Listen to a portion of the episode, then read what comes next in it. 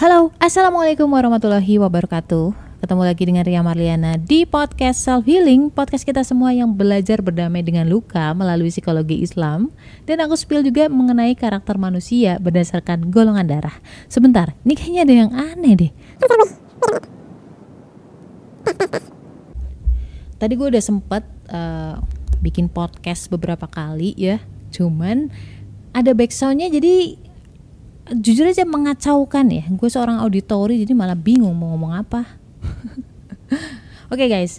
Ceritanya nih ceritanya. Ada nggak dari kamu yang saat ini lagi bingung uh, lagi takut tentang masa depan sedang bimbang apakah perusahaan kamu akan bertahan atau enggak terus kamu bakal dipecat atau enggak nanti makan apa dan lain sebagainya.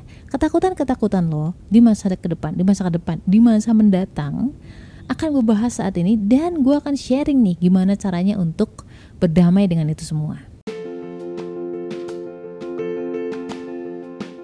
Pengen naklukin diri sendiri atau pengen naklukin hati golongan darah B, wajib banget baca.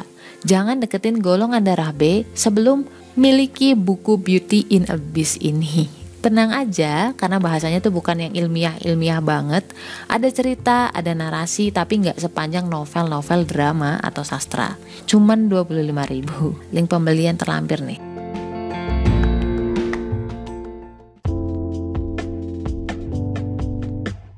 Itulah kenapa golongan darah A easy to worry karena otaknya panjang padahal you know what jangankan 10 tahun ke depan besok aja nih kita nggak tahu nasib kita seperti apa ya enggak ya banyak orang tahu kuncinya ya gampang mbak berserah kita serahkan saja ke Allah iya betul ada orang yang memahami itu hanya sampai ke akalnya saja, memaknai itu sampai ke otaknya saja, tapi nggak turun sampai ke hatinya.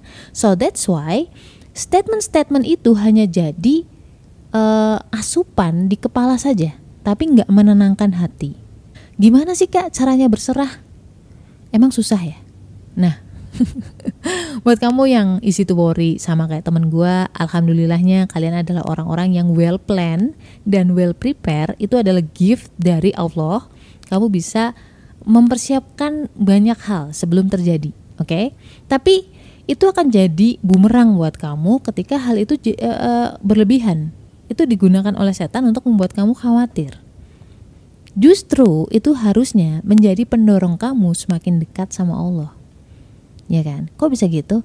Nah, gini, sebelum aku lanjutkan, aku akan cerita bahwa di psikologi manusia, di psikisnya manusia itu ada kebutuhan untuk mengendalikan, mengendalikan sesuatu. Termasuk masa depan.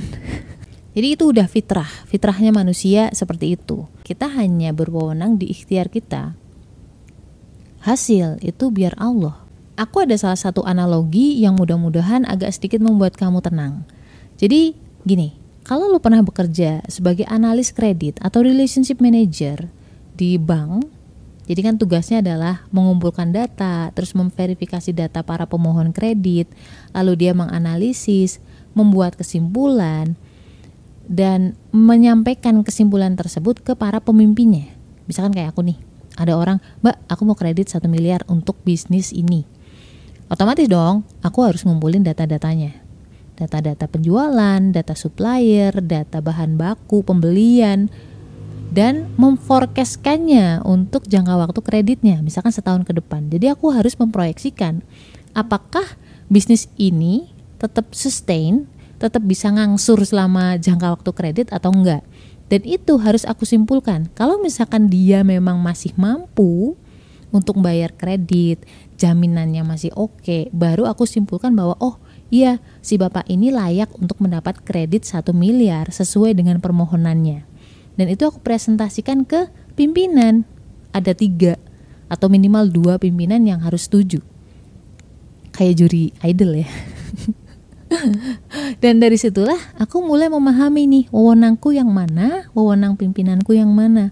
Gua nggak boleh maksain sesuatu. Misalkan gini, aku menyimpulkan bahwa ini layak nih dapat kredit tapi pimpinanku menolak dengan ya intinya dengan pengalamannya beliau, dengan uh, pengetahuan beliau tentang bank itu sendiri, apakah memang layak atau mau memberikan kredit atau enggak. Dia yang memutuskan, dia yang menyetujui. Kewenangan saya hanya sebatas mempresentasikan sebaik mungkin dari data yang saya peroleh, dari kesimpulan analisis yang saya peroleh. Itu aja. Tapi gue nggak boleh maksain gitu. Dan itu juga yang gue jadikan uh, dasar ketika memohon sesuatu sama Allah. Ketika aku mulai khawatir, ketika aku harus berserah nih, surrender.